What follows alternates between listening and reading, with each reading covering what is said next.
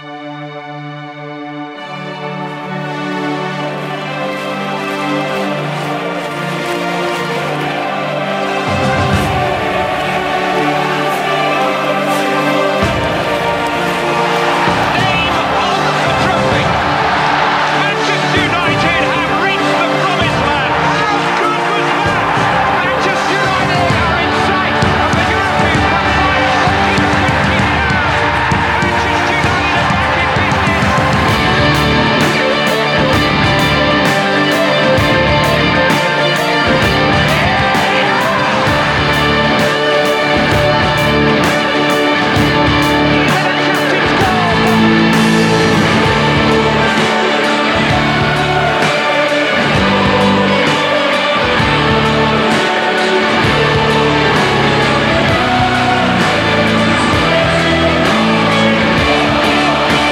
Rigtig hjertelig velkommen til Det Røde Hjørne, som er den officielle podcast for den danske afdeling af den skandinaviske supporterklub.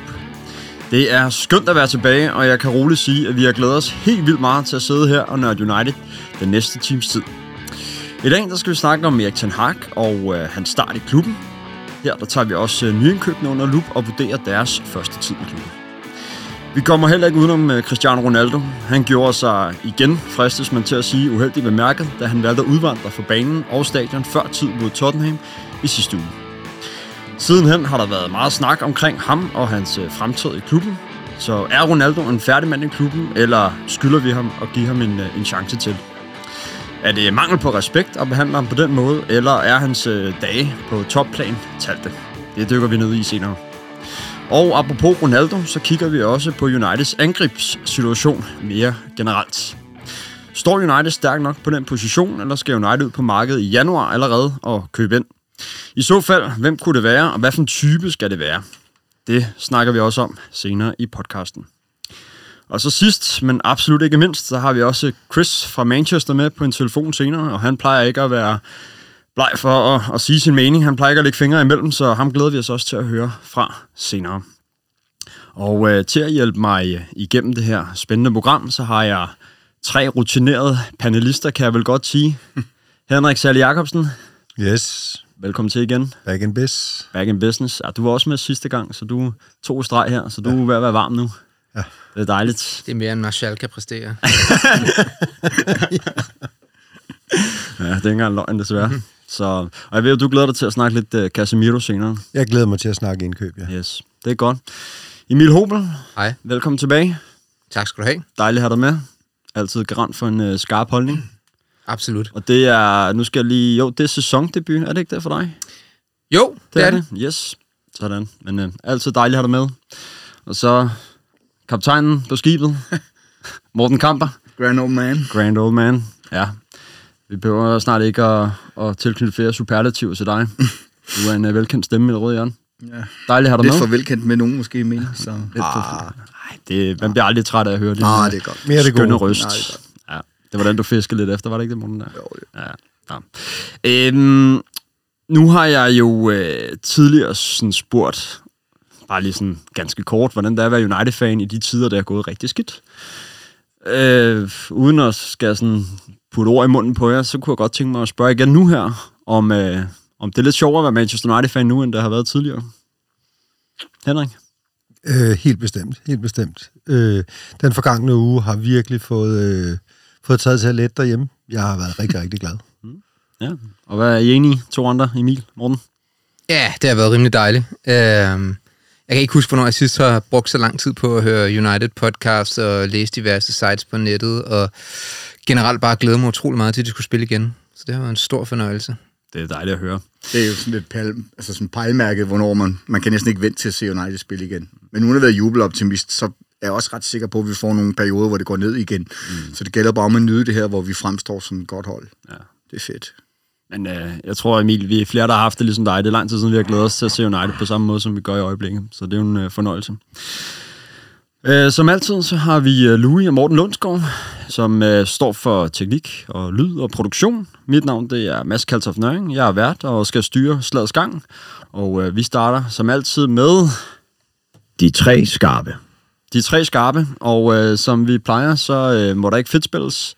Vi skal have enten et øh, ja-nej svar eller et, øh, et konkret navn på, på de her spørgsmål. Jeg vil udvide den lidt. Nu kigger du lidt øh, skeptisk på mig, Henrik. Men man må gerne sige et navn også, hvis det er det, man bliver spurgt om. Men ikke nogen lange forklaringer stadig. Okay. Okay? Det er godt. Første. Ronaldo, han har spillet sin sidste kamp for Manchester United. Morten? Nej. Nej. Henrik? Nej. Nej. Og Emil? Nej. Nej. Den er I enige om. Ja, den får jeg lov til at uddybe senere. Nummer to, og der skal vi altså have et navn. Hvem bliver topscorer for Manchester United i denne her sæson? ja, der bliver tænkt. rundt Marcus bordet. Rashford. Marcus Rashford siger Emil. Ja, Marcus Rashford. Og Morten også på Rashford. Og jeg går med Anthony. Anthony, okay. Ja, frisk bud. Okay, okay. Vi øh, ser, hvem der får ret. Sidste skarpe. Hvilke af Uniteds nyindkøb har gjort det bedst i den her sæson indtil videre? Martinez. Martinez, siger Henrik. Jamen, jeg er fuldstændig enig. Mm, Emil er enig. Ja, det, det vil være svært at være andet. Det er Sandro Martinez. Der er tre på stribe her.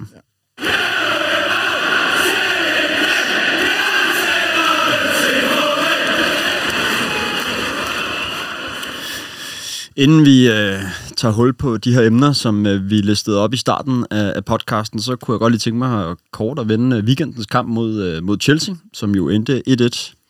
Og øh, efter kampen sad I så med følelsen af, at United havde øh, vundet et point eller tabt tre point. Øh, jeg synes egentlig, det var meget færre resultat. Mm. Øh, set ud fra første halvleg, hvor vi sidder på det, indtil Harry Potter laver den der øh, udskiftning, der ændrer taktikken, øh, og der kommer Chelsea mere med. Så, og, øh, og de havde lidt fat i os i anden halvleg, synes jeg. Øh, så jeg synes, at det var et færre resultat. I Ja, altså hvis du havde spurgt mig i løbet af de første 35 minutter der, hvor vi dominerer fuldstændig, øh, så ville jeg have sagt, at, at den her skal vi vinde. Og jeg sad, jeg sad faktisk der i første alder, og tænkte, skor nu et mål, for det her det er sådan en kamp, hvor det bliver dyrt, hvis man ikke scorer i de der perioder, hvor man dominerer, fordi man ved bare, at du har aldrig dominansen i 90 minutter i sådan en kamp. Det gjorde vi desværre ikke, øh, og så var det en utrolig chancefattig anden halvleg, øh, indtil Chelsea får straffespark. Øh, som lignede, at begge hold var meget tilfredse med 0-0. Mm. Men altså, når det andet hold kommer foran i 87. eller 88. minut, så må man jo alt andet lige være utroligt tilfreds med, med en uafgjort på en svær udbane. Og hvad tænker jeg om uh, McTominays aktion i uh, forbindelse med straffesparket? Var der straffe, eller var den hårdt dømt? Ja, altså, jeg synes jo, der er et eller andet sted straffe. Hvis McTominay var lidt kløgtig, så skulle han jo kaste sig ned, da han først får øh, Brøger sender i hovedet, som jo skete lige inden han for alvor fik fat i ham. Så hvis han havde smidt sig der, så havde United nok fået et frispark. Øh, men altså, man ved også bare, at hvis du, hvis du, hvis du omklamrer en, en, en, en, en angriber i strafbarfeltet på den måde og holder fast ved ham, og så vinder øh, McTominay jo også bolden bagefter. Altså man kan sige, at han får fordel af faktisk at flå ham ned og så hætte den væk. Hvis han ikke havde hættet bolden væk, så havde den nok været mere sådan uh, questionable. Men ja, den kan dømmes.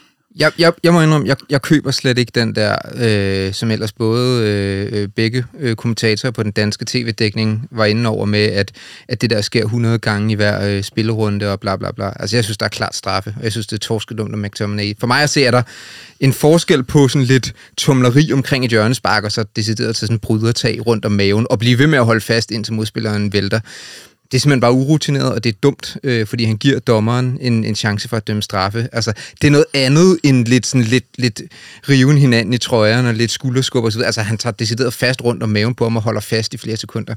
Det er torske dumt.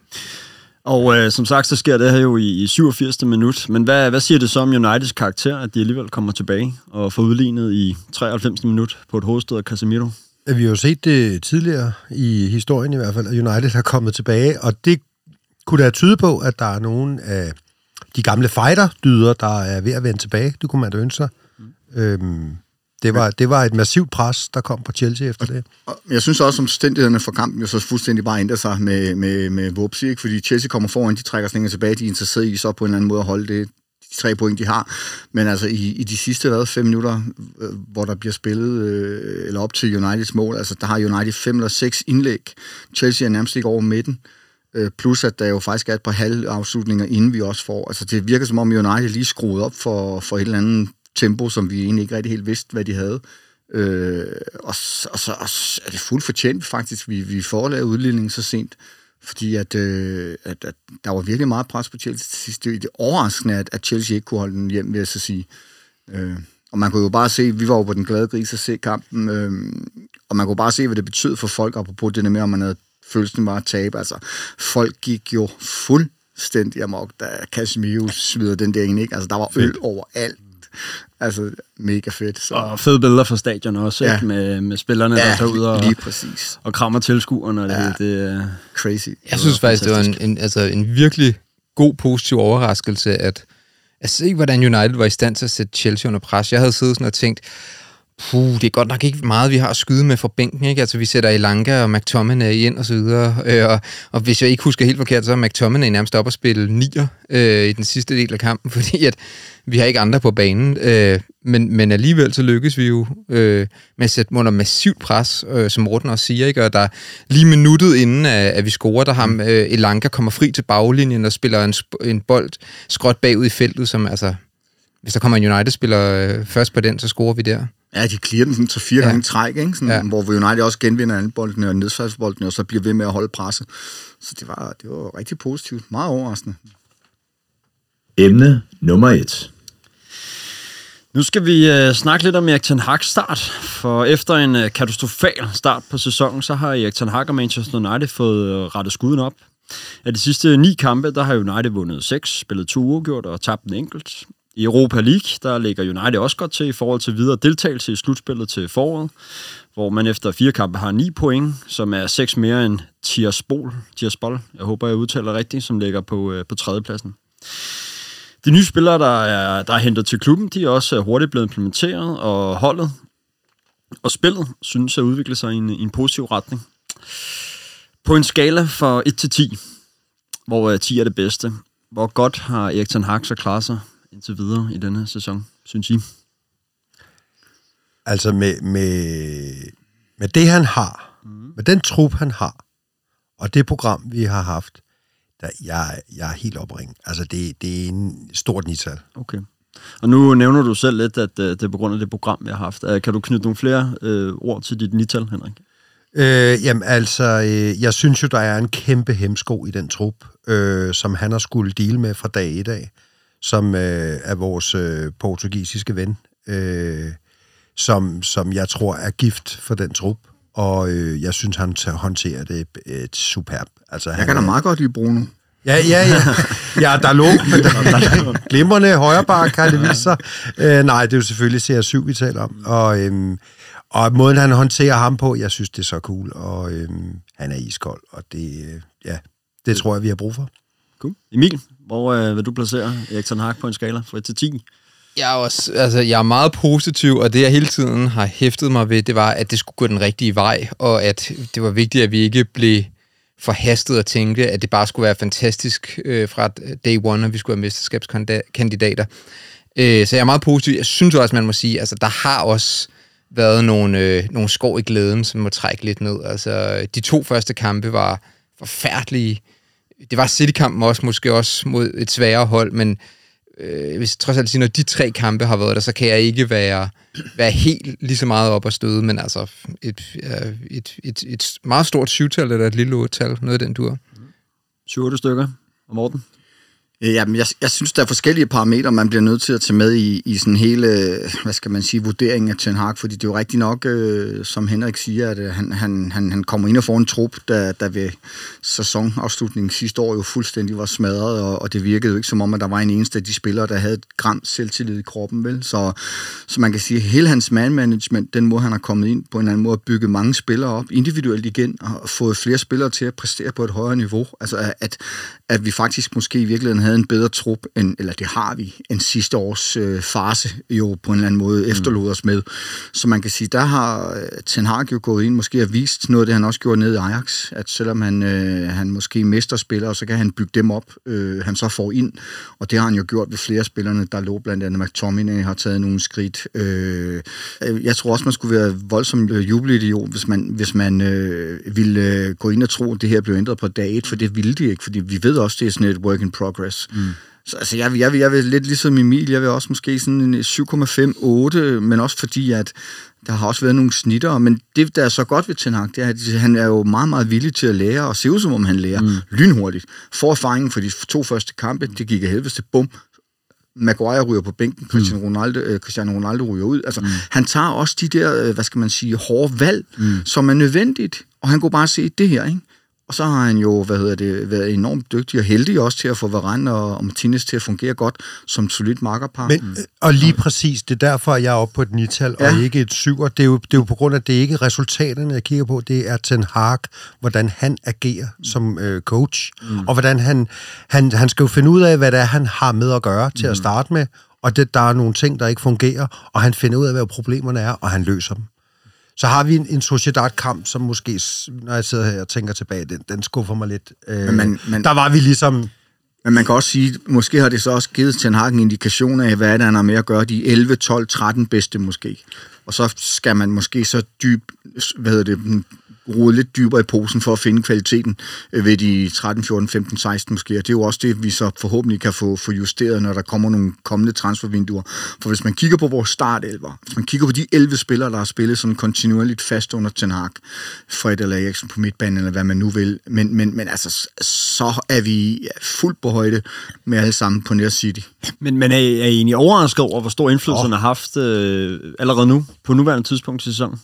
Er det kommet som overraskelse for jer, hvor hurtigt det egentlig er gået, mm. eller var det som I forventede inden sæsonen? Det er faktisk det, jeg havde håbet på. Mm. Altså, jeg havde forventet at se et aftryk øh, fra start, altså fordi jeg tror ikke, altså han er jo ikke, at det var også det, vi har skrevet på, når vi har siddet herinde øh, mm. sidste år og forrige år. Altså, vi, vi skal ikke have sådan en, en, en, altså en, en, en, en, en defensiv, ikke forstået som en, der spiller forsvarsfodbold, men sådan en, der er, ah, lad os lige til tiden lidt anden, og vi skal også lytte til spillerne, hvad de siger. Og sådan, altså, øh, vi har fået en træner, der er proaktiv og ved, hvad han vil. Øh, så derfor havde jeg også en, en, en forhåbning om, at vi ville se noget af det fra day one, at det ikke var noget, der skulle implementeres over mange sæsoner, men at vi uden yderligere sammenligning, lidt ligesom da Guardiola kom til City, eller Klopp kom til Liverpool, hvor man med det samme kunne se, okay, der er en, en, en indkøringsperiode, hvor der kommer til at være nogle børnesygdomme osv., men man kan se, hvor de vil hen, for de har en plan. Og det er det, man har kunne se her, og det, det, det gør mig rigtig glad. Og, og rose dig, Emil, for jeg kan huske en tidligere podcast inden sæsonen, hvor du har været rigtig positiv over for Ten Hag. Og netop sidde, det som du, det samme, du, som du sidder og siger nu. Øhm, øh, jeg har været, jeg var, ja, det overrasker mig. Øh, et, at han skiller sig af med Pogba og Lindgaard. Det var, det var den første øh, hurdle. Øh, endnu mere Maguire Ronaldo. At måden, han håndterer det der på, jeg, jeg er meget overrasket, og jeg er meget positiv. Altså, det, det er så godt. Altså. Men, Morten? Ja, men i forhold til det at afsætte, vi har også tit siddet her og diskuteret omkring, okay, kunne man bare se, at der var noget kontinuerlig udvikling i United-spil? Der var nogle koncepter, der var en måde at, at på en eller anden måde gribe kampen an på. Og øh, jeg læste en artikel i Guardian her efter, øh, efter Tottenham-kampen, hvor, hvor, hvor, hvor, hvor de sådan summerede op, ikke? Hvor, hvor, hvor journalisten så skrev det der med, at for første gang i lange tider har Manchester United en funktionel midtbane, både defensivt og offensivt, der kan diktere spillet. For første gang har Manchester United en manager, der, der, der, der tyr til moderne fodbold, altså med moderne idéer omkring, hvordan moderne fodbold skal spilles. Og så til sidst skrev han så, øh, velkommen tilbage Manchester United, I har været ventet. øh, og, og så bare sådan, og jeg bare tænkte, åh, det er fandme dejligt at læse, at, at, at vi endelig har noget, vi ikke har en dinosaur som, som Mourinho, som øh, har et defensivt udgangspunkt, ikke? Eller, øh, eller Ole, som, øh, ja, når jeg kommer til alt, jo heller ikke var, var specielt god, ikke? Så så, så man skal ikke, øh, hvad hedder det, selv skinnet, før øh, bjørnen er skudt og alt det der, men det er vigtigt at kunne tage de her skridt og bygge på, og det har vi set. Og lige præcis det, Morten, det kunne jeg egentlig også godt tænke mig at spørge om, fordi at vi har jo før set Manchester United managers, der startede godt, og så øh, langsomt har tabt omklædningsrummet, tabt tilliden for holdet, og så er resultaterne ligesom også blevet derefter. Øh, frygter I, at det samme kan ske for Ten Hag? At nu har vi en rigtig god øh, øh, start, og vi er lidt inde i en, øh, en, en anden form for lidt honeymoon-stemning øh, i øjeblikket, fordi vi har haft en god uge med nogle gode kampe og sådan noget. Kan vi risikere at dykke igen, ligesom vi har set med de tidligere United-managers efter Ferguson? Og det har jeg svært ved at se. Hvorfor? Altså, ja, fordi, fordi jeg tror, at hans mandskabspleje er helt fænomenal, og han arbejder individuelt med dem, og han ser dem, og han, øh, han, han, er, han er fodboldmand til benet, og han, han ved godt, hvad det går ud på. Og øh, øh, succes avler succes, og øh, de der drenge der, de, øh, de er lige ved left øh, off. Altså det, det der, det kan blive rigtig godt. Der, som Morten siger før, vi skal, der skal selvfølgelig skiftes noget ud i den trup der. Den er ikke øh, bred nok, og der er ikke kvalitet nok. Men, men det skal tage den hark nok uh, for at få sat i, i værk det der. Så du er, du er fuldstændig rolig omkring, at Ten Hag, han skal nok øh, formå at og jeg, jeg, jeg kan slet ikke se, hvorfor han skulle kunne miste det, det, det omklædningsrum. Altså, der er en hurdle nu, og øh, den skal han nok få gjort noget ved. Og ham kommer vi også til at snakke mere ja. om senere, tror jeg. Man kan aldrig vide det, men jeg synes, de to ting, der, der lover virkelig godt, det er øh, et, at, at den måde, vi har spillet godt på indtil videre, det har været tydeligt, at det har været funderet i en idé om, hvordan vi skulle spille, hvor man kan sige, den der honeymoon-periode, der måske især var med Solskjaer, der var det lidt sådan en, hele holdet spillede med noget gejst, og der var, ja, der var, no, der var noget gejst, og der var nogle individuelle aktioner og så videre, men der var ikke på samme måde den der følelse af, at det hele er bundet i et eller andet koncept. Og det gør også bare lidt, at når man har det der koncept at falde tilbage på, så er der måske lidt mere bund i tingene. Øh, så det, det, det synes jeg er rigtig positivt. Øh, og altså den anden positive ting, som Henrik også lidt inde på, altså, man, altså det virker bare som om, at de der spillere, de tror på det her projekt. Altså, der, er, der er virkelig, der er virkelig noget, noget sammenhold allerede nu at se, som, øh, som lover rigtig godt. Morten, du markerede også. Ja, for jeg synes, der er sådan, i hvert fald et par andre ting, der er værd at hæfte sig ved, det er, at øh, sådan, måden han kom ind på, de hvad skal man sige, rapporter, der kom ud fra preseason, var også, at det var en, en, en, en spillertrup, som på en eller anden måde havde haft individuelle samtaler med Van Gaal. Han havde sat sig ned med hver enkelt spiller. Han havde på en eller anden måde lavet sådan en outline, et blueprint for, hvordan er det, Manchester United skal fremstå, og hvad er din rolle i Manchester United, når vi fremstår på den måde. Og, og, og det har været en rigtig god, hvad hedder det, måde at få spillerne til at forstå også, at, at ja, det er kollektivt, og det er også det, han siger. Mm. Det er ikke bare de første 11, det er truppen. Og den måde, og jeg tror ikke, man skal underkende det, den måde truppen holdet øh, præsterede mod Liverpool, med det enorme pres, der var for, at hvis de havde tabt den kamp, så havde de tabt tre træk. Og, men den måde, de fightede, den måde, de gav hinanden high five, den der vildskab, der var i deres øjne, altså øh, man kunne bare se, hvordan de bare nærmest stod brændte ud af dem. Ikke? Det samme med Chelsea-kampen, hvor vi udligner sent. Altså, der, det virker som om, at det er en virkelig harmonisk trup, mm. der kæmper for hinanden, bakker hinanden op. Varane blev skadet, alle var over og giver ham øh, en krammer og giver ham et kys på panden. Mm. altså alle man kan bare sige, at der er en eller anden form for, for fællesskab, samhørighed, og, og, og det er en af de allervigtigste brækker for at få succes, når du arbejder med, med elitesport, eller du skal få folk til at flytte sig, det er, at vi, vi er fællesskab, vi er en sammentømret enhed, der kan bevæge os sammen mm. fremad. Og, og som du siger, Henrik, det, det er simpelthen bare måden at, at få Manchester United videre på. Så det, det er en af de store, øh, en af de store, virkelig fantastiske ting, han har gjort. Og inden vi øh, skal vende nyindkøbene om lidt, så kunne jeg godt tænke mig at høre, hvad, hvad ser I som Ten Hag's næste skridt i den her proces, han er i gang med i, kan man sige, forvaltningen af United? Jeg bliver ved med at vende tilbage til øh, portugiseren, mm. men ham skal vi tale om øh, om, om lidt. Ja, han, han skal ud, mener du? Ja, han skal ud. Det må være det næste skridt. Okay. Altså. Ja. Emil? Øh, jeg ved ikke, om der er sådan et defineret næste skridt som sådan. Altså, der er jo nogle åbenlyse. Nu skal ligesom, altså, nu skal den der positive udvikling, vi har set herover, de, især de sidste par kampe, den skal cementeres. Nu skal vi vise, at den der hjemmekamp mod Tottenham, at det var ikke bare en enig svale. Det er den måde, United spiller på nu. Selvfølgelig rammer vi ikke det niveau hver gang, men det var ikke en, altså sådan en forbigående oplevelse. Sådan spiller vi også næste gang, vi spiller på hjemmebane, eller hvis vi ikke spiller sådan næste gang, så i hvert fald gangen efter. Altså, det, det skal ligesom det skal cementeres nu. Øh, og så er der jo altså, så er der jo nogle løbende skridt. Altså, så skal truppen skal styrkes, og der skal måske øh, der er nogle spillere, der skal finde deres niveau lidt mere, finde deres nye position lidt mere, og så videre. Så og jeg er også enig i det, Henrik siger. Der er også, der er også noget øh, positiv udrensning i truppen, som er nødvendig, før brækkerne for alvor kan falde på plads. Men, øh, men jeg tror for mig, så det der med, altså, nu skal vi ligesom vise, at det her, det er sådan det nye United-hold spiller. Den der kamp mod Tottenham, det var ikke en tilfældighed. Den der første halve time mod Chelsea, det var ikke en tilfældighed. Det var et, altså, det var et, et signal om, hvad der er i vente. Okay. Jeg tror, vi hopper videre til nyindkøbene nu, og øh, inden vi gør det, ja, men så havde Morten Kamp og gerne banen. Nej, yes. ja, men jeg vil bare lige sådan en, øh, en sluttende bemærkning om Ten Hag. Vi kommer yes. til at snakke omkring Ronaldo, men i forhold til Ten Hag's position, i forhold til den måde, han har håndteret Ronaldo på, der, der, der mener jeg jo også bare, at Ten Hag kommer ud i styrke i forhold til resten af truppen. Mm. Fordi han har sat et ja. aftryk af, at det er mig, der er lederen, det er mig, der sætter øh, kulturen, det er mig, der sætter rammerne, det her, det accepterer vi ikke. Så hvis han havde fået, Ronaldo havde fået lov til en shenanigans, så havde, øh, hvad hedder det, Ten Hag tabt ansigt. Og nu mm. snakker vi om Ten Hag. Det gjorde han nemlig ikke. Han trådte op, og var en tydelig leder. Øh, og jeg er ret sikker på, at alle på tværs af truppen har fået adresseret den her besked om, at det er mig, der bestemmer. Mm. Det er mig, der sætter den her vej. Ikke? Det er den vej, vi går. Der er, ja. lidt, der er lidt Fergie over ham på den måde. Ikke? Ja, ja og, og, det, og, og man skal ikke underkende vigtigheden nej, i det, det der er foregået. Netop så også, som du spurgte om før, mm. Mads, at øh, tabe et omklædningsrum. Hvis ikke han havde manifesteret sig selv over for Ronaldo, så havde der været far for, at han havde tabt det Så havde alle bare gjort, som det passede. Mm. Fuldstændig. Ingen, ingen øh, hvad hedder det, konsekvens. Så kæmpe ros til øh, Ten Hag for det. Vi prøver at kigge lidt på de nye køb, som uh, Ten Hag hentede over sommeren. Og, og Henrik, nu ved jeg, at du har uh, brændt for at snakke om Casemiro. ja. Hvad er det, du så gerne vil snakke ja, om men det, uh, hammer? Ja, men jeg har, været, jeg har været meget kritisk over for indkøbet af Casemiro. Øhm, fordi jeg så, jeg har set, øh, jeg har på sidelinjen har jeg fulgt lidt med i Reals kampe, og øh, jeg har set en, oplevet en Casemiro, der har været øh, nedadgående i formkurve mm. øh, de sidste par år, og jeg forstår godt, at Real vil skille sig af med ham, ikke mindst for den sum. Mm. Så jeg har været meget kritisk over for, at vi skulle købe en afdanket brasilianer. Mm. Øh, men der har han jo, øh, altså mod Tottenham, der, der, der fik jeg jo en i, i stoltheden, ikke? fordi den, det, der holdt kæft en kamp, han spillede. Mm. Øh, og så laver han jo en sindssyg kasse mod Chelsea, det er fandme godt hættet ind. Øh, Ja, men altså, det, i starten af sæsonen der, der, der sad jeg jo lidt og ja, meget, klog, huske, meget kloge der. Ikke? Vi sad i en taxa i Manchester, der var du bestemt ikke begejstret for Casemiro.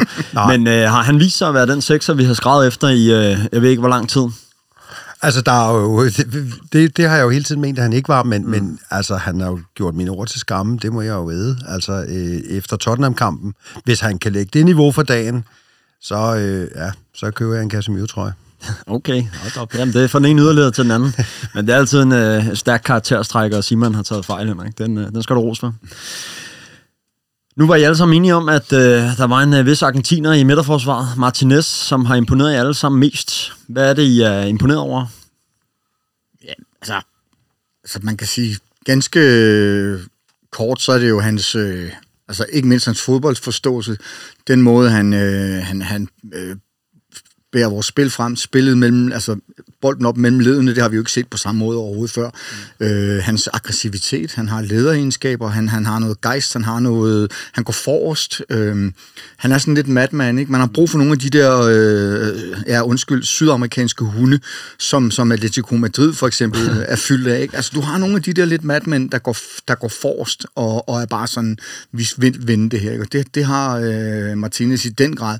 Og så har han bare sådan en, en øh, han virker som om, han også er en god holdkammerat og en, og, en, og, en, og en god holdplayer for de andre.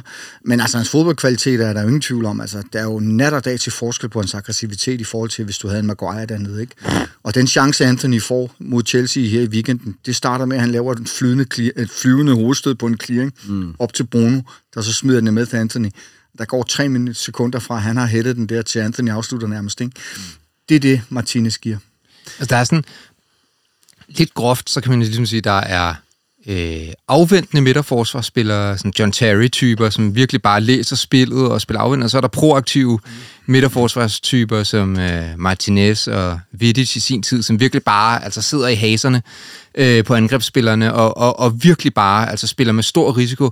Jeg tror noget af det, der noget af det, der virkelig har imponeret mig ved ham, det er, altså, at han, han spiller med så høj risiko, med, med så stor proaktivitet i forhold til at gå ind i duellerne og opsøge øh, bolden, øh, i stedet for at vente på, at den kommer, og så samtidig laver så få fejl. Altså jeg ved godt, at han, han, havde, han havde ligesom resten af holdet en dårlig kamp der mod Brentford, men siden da, altså så har han bare fløjet ind i, i duellerne, også mod de store hold, og alligevel så sidder jeg bare og tænker, jeg kan nærmest ikke komme i tanke om, at han sådan har, har dummet sig og kommet på mellemhånd eller misset en takling. Altså det er, det er voldsomt imponerende. Det er, meget, det er meget få gange, han har set dog, øh, dum ud. Ikke? Også det der med, at alle hold vil nu ændre deres spillestil, og så begynde at spille med lange bolde inde i feltet. Altså, det så vi jo hurtigt. Det har vi jo nærmest ikke set noget af efter de to første kampe, fordi ja, han vinder ikke alle sammen, men så havde han så Varane.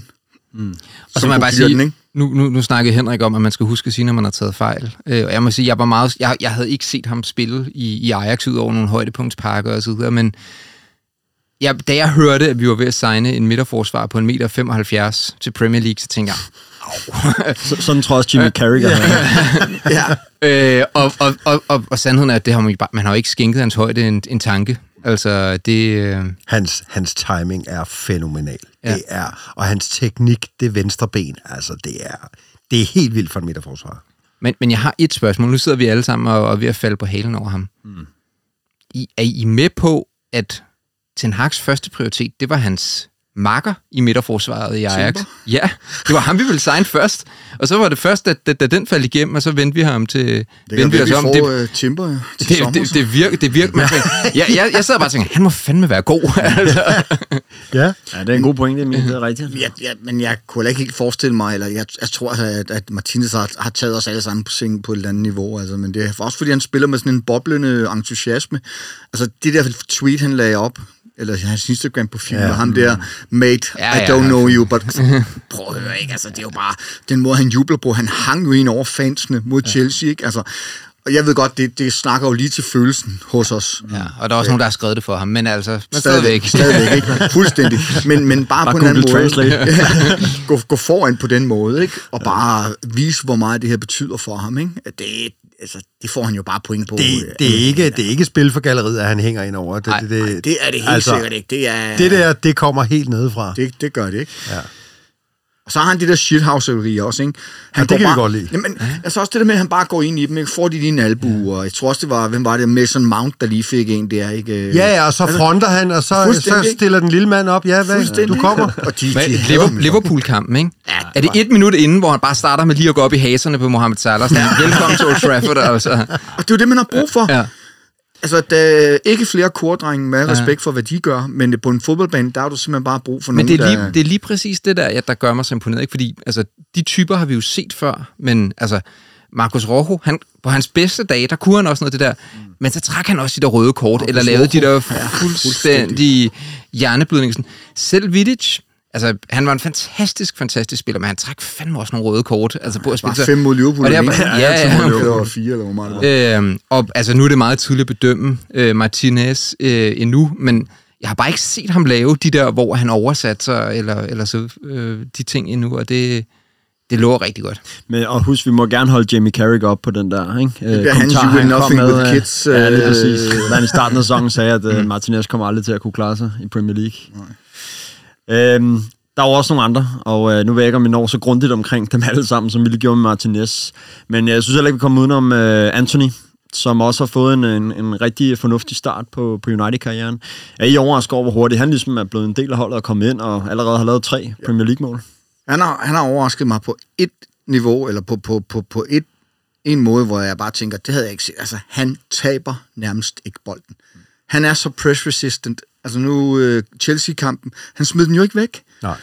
Og så, det er også det der med ikke at tabe possession og give de andre et modangreb. Ikke? Altså, øh, Sancho tabte bolden tre gange i løbet af de første fem minutter mod Chelsea. Man bliver idiot. Men øh, øh, Anthony, han virker som om, at øh, okay, den her, den kan jeg ikke tage, fordi jeg er dobbelt op med to spiller den ned. Ikke? Øh, han, han- han virker som om, at han faktisk bare har en rigtig god fodboldbegævelse, så arbejder han stenhårdt. Mm. Altså, jeg havde måske regnet med, at vi ville få lidt mere sådan flair. Det har han også, men måske lidt mere sådan flamboyant øh, ving brasilianer, ikke? Mm. Sådan alt for mange tricks, øh, ikke rigtig noget, men han holder vores spil enormt godt i gang. Mm. Og du ved bare, når den kommer ud til ham, så træffer han nogle kloge fodboldbeslutninger. Det er det, han har vi- vist mig indtil videre. Mm. Øh, og så skal han nok komme til at score flere mål. Jeg ved ikke, om han bliver topscorer, men, øh, men han, han, han, han bliver en gevinst, også når han...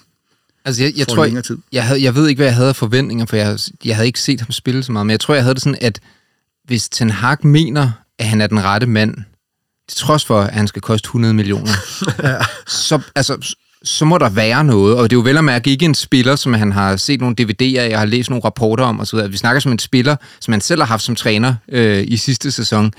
Så jeg, jeg, jeg, jeg tænkte lidt, når han mente, at han var så stor en transfer værd, så, øh, så måtte der være noget at komme efter.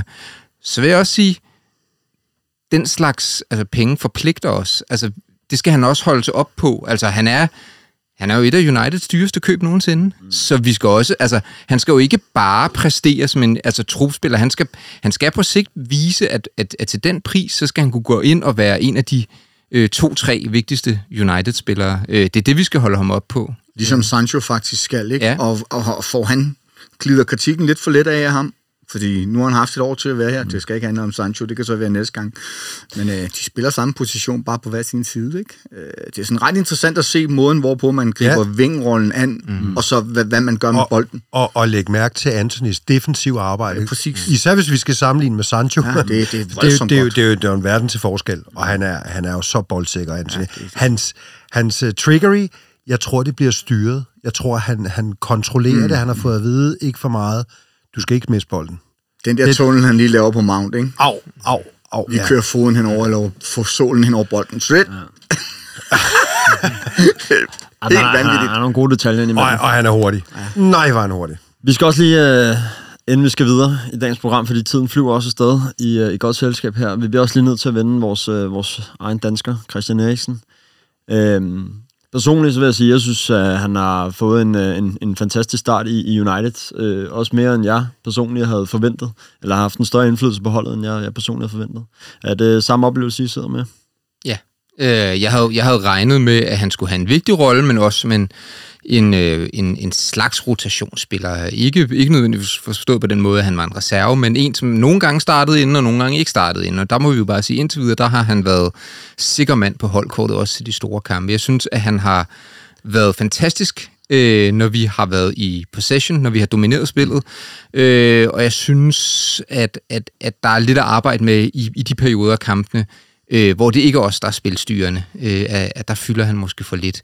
Øh, og, og det tænker jeg, at, øh, at det er Ten Hag's job at, at få justeret det, eller også sørge for, at, at, at i de kampe, hvor vi kan forvente ikke at skulle være spilstyrende i perioder, at der, der er det Fred, der spiller, eller hvad ved jeg. Altså, uden samlingen i øvrigt, kunne han jo godt minde lidt om en sådan Paul Scholes på sine ældre dage, ikke? Sådan bare makes United function. Altså, sørg hele tiden for, at bolden er i gang, ikke? Og det, det er jo det store problem, vi har haft med, med da vi spillede med McFred, ikke? Altså, mm. de der progressive øh, øh, arm- afleveringer fremadrettet, ikke? Altså, der har jo været flere gange, hvor, hvor Eriksen får bolden, og så nærmest inden han får altså, kigget rundt, så har han bare smidt en aflevering den modsatte mm. vej, fordi han ved, at altså, han, hans overblik er eminent, og han er også god til at få den under pres, så, så det er jo også derfor, vi har øh, en, en øh, velfungerende midtbane i øjeblikket, som boldsikker. Øh, så Og så lige en detalje mere. Ja. Han, han var gratis. Ja. Altså, ja. det er fordi, når vi skal også bare huske, altså, det glemmer vi lidt nogle gange, når vi sidder udefra. Altså, vi har ikke evige midler. Mm. Og altså, øh, nu, nu gik vi oven i købet lidt over budget i sommer, hvis, og hvis man skal tro ledelsen, øh, så, så kommer det til at have noget, noget betydning for de kommende vinduer. Og det, altså, det der med at kunne hæve en kvalitetsspiller, som er god nok til at starte inden, ind for 0 kroner, det frigør bare nogle midler til også at hente nogle andre spillere, så det er et, et kæmpe plus i min bog. Lille, lille formdyk til Eriksen de sidste par gange her. Ja, men han har også lige været syg, ikke? Han har lige været syg, og, øh, ja, og vi håber, at øh, det snart er i fuld flor igen. Yes. Emne nummer to. Nu skal det nemlig handle om uh, Cristiano Ronaldo, fordi Ronaldo valgte jo i sidste uge at forlade banen, inden kampen mod Tottenham var slut. Angiveligt skulle han have nægtet at lade sig indskifte, for derefter i protest at udvandre. Efterfølgende så øh, er Ronaldo sendt på øh, U21-holdet, hvor han har trænet i den sidste uge her, og så var han også sat af til weekendens kamp mod, øh, mod Chelsea. Ronaldo var efterfølgende ude øh, med det, man kan vel sige en tvetydig besked på Instagram, hvor han ikke for alvor sagde undskyld, men samtidig understregede, at han var motiveret og vil kæmpe videre i United. Nu mente de jo alle sammen, at han, øh, han fortsat har en fremtid i United. I hvert fald kommer han til at spille nogle kampe øh, i den her sæson. Hvorfor tror I, han gør det? Jamen, først og fremmest fordi, at der ikke er nogen easy way out lige nu. Altså, Ronaldo har en klar interesse i at være i form til VM. Øh, Ten Hag og United, de har en interesse i, at, at, at, at truppen ikke er dysfunktionel, og ikke at gøre et større nummer ud af det, end som så, og, og, og gøre problemet endnu større. Og selvom at, at Gary Neville så jeg foreslå på Sky Sports forleden dag, at, at Ronaldo skulle have sin kontrakt ophævet i den her uge, så han kunne nå at finde en anden klub inden VM. Det er jeg ret sikker på, ikke kan lade sig gøre, altså rent øh, det er rettighedsmæssigt. sådan mutual consent i hvert fald. Ja, men man, man kan heller ikke registrere nye spillere før til januar, vel? Tror Free jeg. Du agent. Må han Ja, faktisk måske. godt, jo. Men, men helt Ja, overordnet... men, ja, nå, det, undskyld, det, det, var, det var et sidespor. Altså, Mm. jeg tror bare, altså, det, det bliver for besværligt. Der er for kort tid til VM. Altså, så, øh, så de skal ligesom have det til at... Og, altså, nu skal de være voksne mennesker og få det til at fungere frem til VM, og så er jeg sikker på, at, at, at der er en interesse fra begge sider, som selvfølgelig ikke bliver sagt højt, men, øh, men en interesse fra begge sider i, at, at man finder en løsning til januar. Men er det simpelthen er det holdbart at have en spiller i truppen, der vælger øh, åbenlyst at sætte sig selv over både Nej, fællesskabet nej, og nej over det, er også, det er også derfor, han skal ud til januar. Det, bliver, det, det laver bare for meget larm. Altså, plus at det sikkert øh, altså sådan rent lønmæssigt og juridisk øh, er for besværligt at ophæve hans kontrakt lige nu, øh, en måned før VM. Jeg, jeg tror også, det hænger sammen med, at øh, havde vi haft en Marshall, der var klar, og ikke havde haft de skader og sådan noget, så havde man måske også mere kunne sådan ofre Ronaldo, om man ville. Ikke? Men der har jo ikke været nogen tvivl om, at Ronaldo har ville jo været væk. Ikke? Altså først bliver han væk for preseason, mm. grundet også nogle personlige årsager. Yes, det er vi med på. Øh, men altså, rygtet, eller det har jo også været sådan på en eller anden måde næsten dokumenteret, at Mendes jo har nærmest prostitueret ham rundt omkring i Europa øh, til dem, der bare på en eller anden måde kunne være interesseret i at tage ham ombord. Ikke? At Chelsea fik ham tilbudt, men Tuchel sagde nej. Ikke? Øh, altså, så der er ingen tvivl om, at, at, at han, han ville væk fra United. Og, og, og igen, vi fik jo allerede problemerne, da han sagde, at han ikke rigtig helt kunne forestille sig at skulle spille Europa League. Hvorfor sagde han så ikke det i maj, så vi kunne arbejde på at få ham ud af klubben på en transfer? Altså, Ronaldo også det, han gjorde imod Tottenham. Ronaldo gør alt øh, i sin egen interesse, og han vidste udmærket godt, at når jeg går ud her og forlader stadion, så er det mig, der får overskrifterne, fordi at han, han, han kunne ikke tåle, at holdet måske havde præsenteret på den måde, det er som min udlægning, men altså, hvorfor gør han det, ikke? Altså, nu skulle vi så snakke om Ronaldo. Der var 16 spørgsmål på den spærrede pressekonference i fredags til øh, Ten Hag mm. omkring Ronaldo. Der var ikke et spørgsmål til Chelsea-kampen. Og det viser jo bare, hvad det er, vi er oppe imod. En spiller, der tager alt det fokus. Og lige præcis det, Morten. Nu, nu nævnte jeg jo selv tidligere øh, Sir Alex Ferguson, og han, øh, han nævner jo blandt andet sin biografi for 2013, at øh, den dag, der var en spiller, der øh, følte sig større end manageren, så skulle han ud. Øhm, det praktiserede han jo så også, må man sige. det gjorde I han. Flere omgange. Men nu snakkede jeg selv øh, tidligere, da vi havde Erik Ten Hag op omkring det, med at han har positioneret sig i, i form af at sætte ham af til Chelsea-kampen. Men er, er det nok, simpelthen? At nu har han lige været ude og sidde en enkelt kamp, og så er han tilbage igen på torsdag øh, i Europa League? Nej. Øh, undskyld, undskyld. Øh, øh, jo, det er nok i forhold til... Øh, nu har han fået en straf. Mm. Han har øh, øh, udvist den største arrogance, han kan gøre over for holdet, for fansene, og for resultatet, og for manageren. Øh, han har fået en straf. På grund af vores situation, angrebsmæssigt, så tror jeg, øh, at vi lukker ham ind igen, og han spiller Europa League på torsdag. Der er jo også nogle øh, eksperter over England, øh, blandt andet en, øh, Paul Merson, og til dels også Roy Keane, der har været ude i store forsvarstaler omkring Ronaldo, og blandt andet sagt, at det er mangel på respekt over for Ronaldo at behandle ham på den her måde. Hvad, hvad, hvad tænker du om det? Er, det? er det mangel på respekt over for en, en spiller, der, Men der har opnået så meget, som han har gjort? Jeg ved ikke, om det er mangel på respekt. Altså, du er jo ikke bedre end den sidste kamp. Og skal Ronaldo spille hver kamp, når United... Altså, alle kan jo se, at United fremstår som en bedre hold uden Ronaldo. Skaber mange flere chancer, vi er meget mere frit flydende. Øh, jeg er med på, at han kom ind mod Everton og scorede et mål, men altså det der med, med respekt, selvfølgelig skal have Ronaldo have respekt for det, han har gjort, men han skal ikke have respekten i den forstand, at, at, at, at, at han skal leve på sine tidligere meritter. Havde han, havde han præsteret, som han gjorde under Real Madrid, så havde, havde vi ikke haft den her snak jo. Så havde Ronaldo banket kasser ind, og han havde været glad. Øh, så altså, det der med, at han bliver, bliver behandlet øh, disrespektfuldt af, af, af Ten Hag, det, den køber jeg ikke, fordi Ten Hag, han har jo også alt at vinde i, at, at han vil stille det hold, der giver ham bedst mulighed for at få succes som manager. Ja. Altså, så, så er den ikke længere. Altså. Nej, det er den nemlig ikke, og det, altså, det er et bizart argument. Altså, fordi selvfølgelig, selvfølgelig kan man øh, han, tale om respekt i alle mulige former i det, der foregår uden for banen og så videre. Men prøv at høre, altså, det her er elitefodbold. Der er milliarder på spil, bogstaveligt talt. Selvfølgelig spiller man med det hold, man anser som det bedst kvalificerede til at vinde fodboldkampene. Altså prøv at høre, hvad, altså, hvad foregår der ved, ved Roy Keane og Rio Ferdinand og så videre have, at Cristiano Ronaldo skal spille, fordi at han er en le- klublegende. Altså, skal vi så også have Bobby Charlton på toppen til næste kamp? Eller, altså, altså, hvad fanden foregår der? Ej, men, Øh, ej, Nå, man kan sige, der, der, hvor, der hvor der måske er, de, at der er, jeg har også øh, hørt øh, flere af de der eksperter, altså, der hvor der måske er foregået en fejl, det er måske fra, inden sæsonen er gået i gang. Måske, fordi vi vidste jo godt, hvad det var, vi havde. Og Ten Hag vidste også godt, hvad det var, han havde. Hvorfor skulle det ændre sig i løbet af øh, en preseason? Altså, Hvorfor skulle Ronaldo lige pludselig vende tilbage til sit gamle jeg? Der- Øhm, så, så, så, så jeg tror, vi skulle have truffet et valg på det tidspunkt om, at ah, den skal ikke forlænges, den her. Øhm, kontrakten, den blev forlænget. Nej, nej, han nej. Den, år. han havde to år. Vi skulle have solgt ham, eller skilt os af med ham i sommer i hvert fald. Og så skulle vi have lavet et angriberinköb. Så der havde været et alternativ til Martial. Ja. Jeg tror, den står for egen regning, den her, men jeg, jeg tror, at Ten Hag var villig til at gå af med ham i sommer. Jeg tror, problemet var, at der ikke kom. Der var ikke nogen, altså, der var ikke nogen, der, der var ikke nogen, der ville have ham, som Ronaldo var villig til at skifte. Altså, rygterne ved jo selv, Sporting Lissabon sagde nej tak. Øh, og jeg, jeg, jeg må bare spørge, nu, nu så jeg også øh, Stig Tøfting til en af øh, de danske tv-dækninger, der Ja, sagde, goder. at jamen, det, det, det kan slet, jeg kan slet ikke forstå, at man ikke spiller med, med Cristiano Ronaldo. Jeg må, jeg må bare spørge de her Roy Keane, Rio Ferdinand, øh, Stig, Stig Tøfting. altså, nå, men jeg, må, jeg må bare spørge, har I set kampen? Nu så jeg, at, at, at, Roy, Roy Keane også sagde forleden dag på Sky Sports, at, at hvis du har Cristiano, så ved du, at han scorer hver anden kamp. Cristiano har spillet 12 kampe i den sæson. Han har scoret et flot mål i åbent spil. Så har han scoret et straffespark, som ikke blev begået mod ham.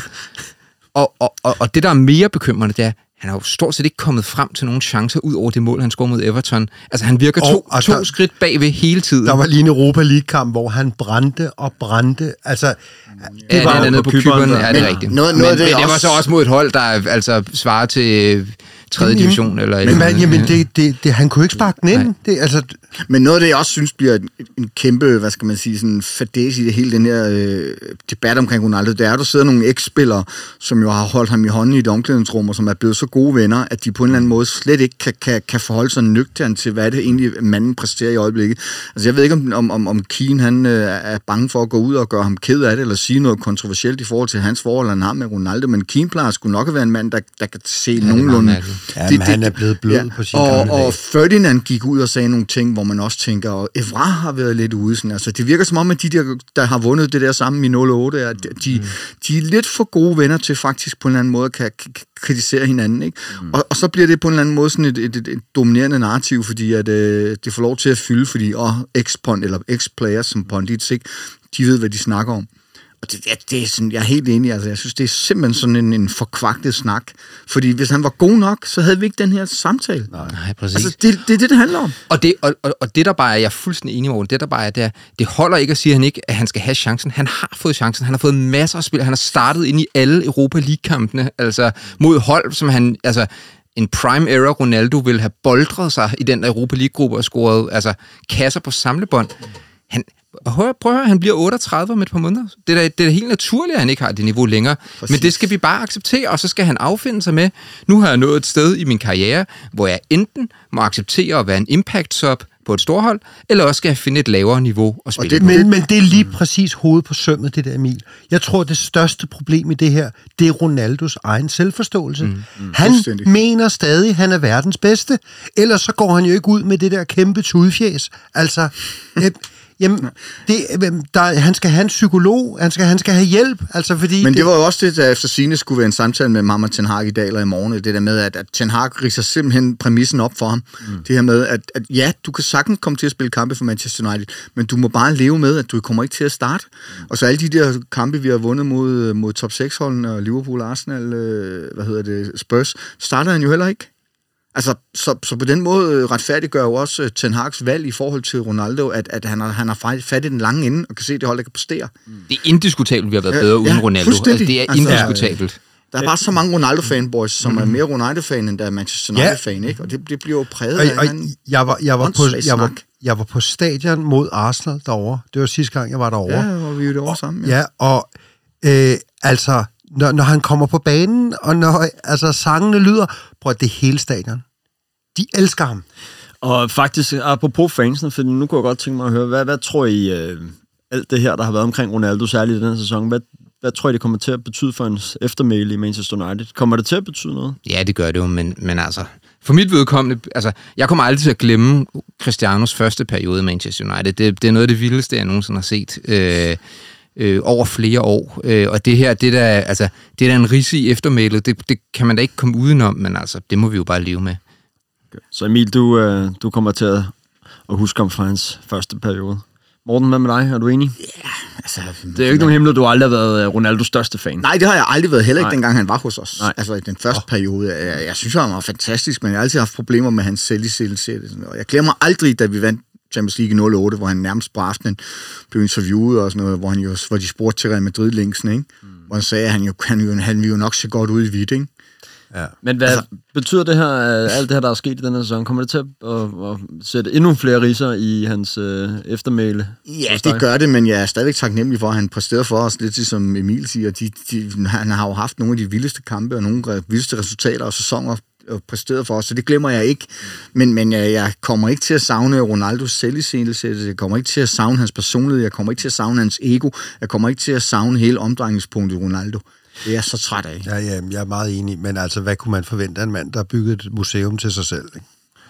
Men jeg synes, vi skal være lidt pragmatiske, som sige. Den, den største fejl, der er blevet begået i alt det her, det var nok at hente ham hjem. Altså, det var en, en romantisk drøm, som ja. måske ikke var helt bundet i virkeligheden. Og han præsterede godt i sidste sæson, men det havde også nogle konsekvenser for resten af holdet. Og uden at vi skal gøre det til en lang snak, så må vi nok bare sige, at hvad var perspektiverne egentlig i at hente en Var det 36-årig fordi, man ikke skulle have... til, skulle til et hold, der var under opbygning og, og, og havde mange tomme huller? Det, ja. Ja. Jeg tror, øh, vi siger, at det var, øh, det var Ronaldo-snakken i øh, den her omgang. Tak for en øh, god diskussion, som altid.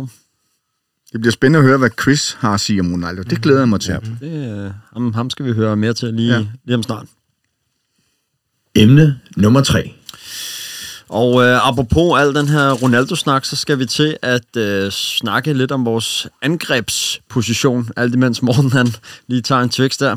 Øh, fordi trods en øh, positiv udvikling i spil og chancer, så sidder der måske nogle fans tilbage, og øh, stadig synes, der mangler en, øh, en vigtig brik på holdet.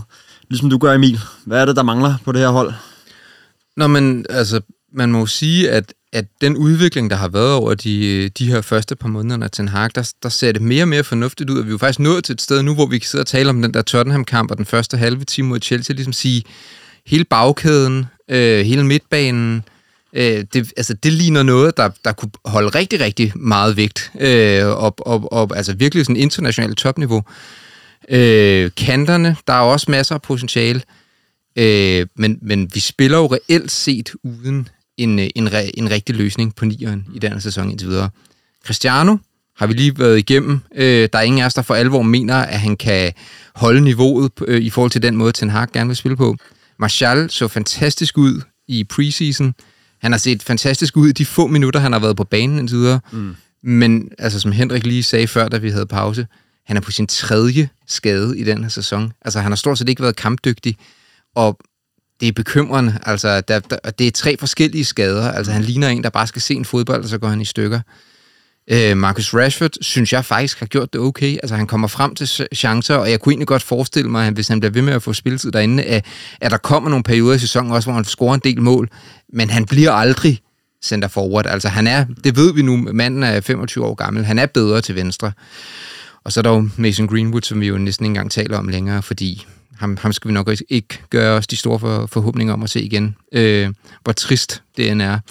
Mm. Øh, så det efterlader os jo bare en situation, hvor vi faktisk har, ja, hvad, hvad, hvad nævnte jeg der, fire forskellige center forwards Rashford, på kontrakt. Ronaldo, Martial og Greenwood, ja. Ja, øh, og, og til trods for det, så, så virker det lidt som om, at, øh, at vi ikke har nogen angriber. og Vi, det, har, vi har nul. ja. Jeg kan jo Ja, lige underbygge, øh, nu nævnte du selv de her fire spillere, jeg kan jo bare lige som uh, public service her nævne lidt statistik. Rashford, han har spillet 13 kampe og scoret 5 mål. Øh, Ronaldo 12 kampe, 2 mål. Øh, Martial 4 kampe, 3 mål. Det er jo isoleret set meget flot, hvis ikke det var fordi, vi har spillet fire gange så mange kampe, eller så øh, noget af den stil. Og så, øh, som du selv øh, nævner, Greenwood helt ude af ligningen. Og hvis man kigger på de andre top, øh, top 10 hold, så er det kun Brighton, der har scoret færre mål, end United har på nuværende tidspunkt. De har scoret 15, United har scoret 16. Øhm, jeg var også inde og kigge på øh, bare de sidste tre kampe. Der har vi 56 målforsøg og scorer tre mål.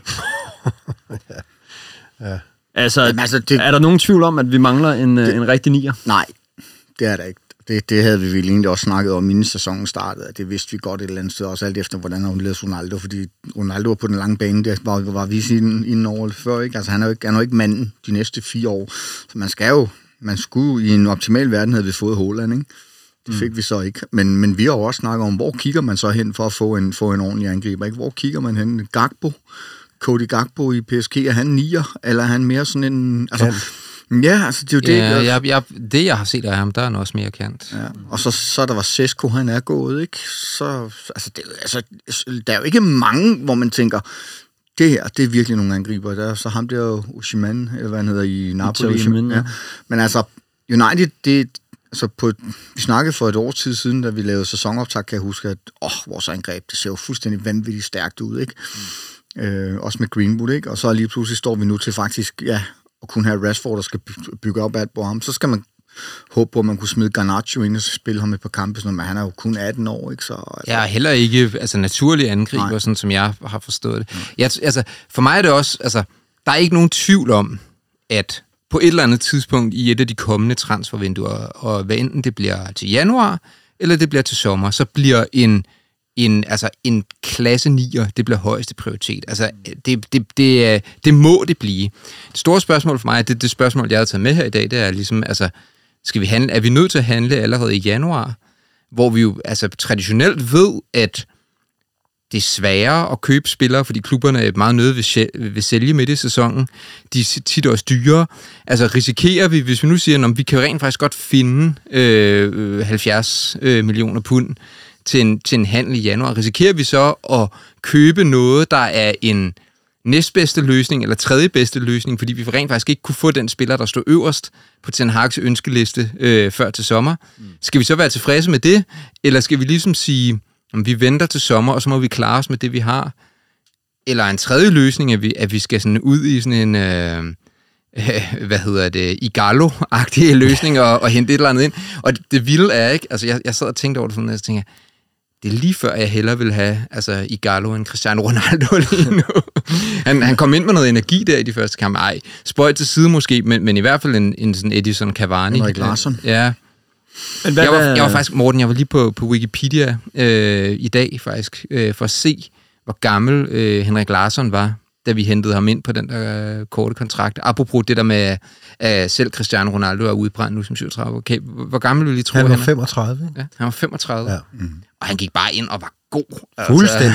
Fuldstændig. ja, Ja. Ja, han var, ja, det må man sige. Men hvad, Emil, øh, lad, lad mig kaste dit spørgsmål øh, op i luften her. Hvad, hvad tænker I? Øh, Skal vi ud og springe banken øh, til januar allerede? Skal vi vente til sommer? Skal man hente noget ind på leje? Hvad, hvad, hvad skal man gøre i den her jagt på nier?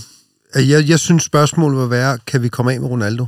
Fordi kan vi ikke komme af med Ronaldo, så synes jeg ikke, vi skal hente en. Så bliver vi nødt til at spille ham, og så bliver vi nødt til at, at øh, humpe os igennem med det, vi har.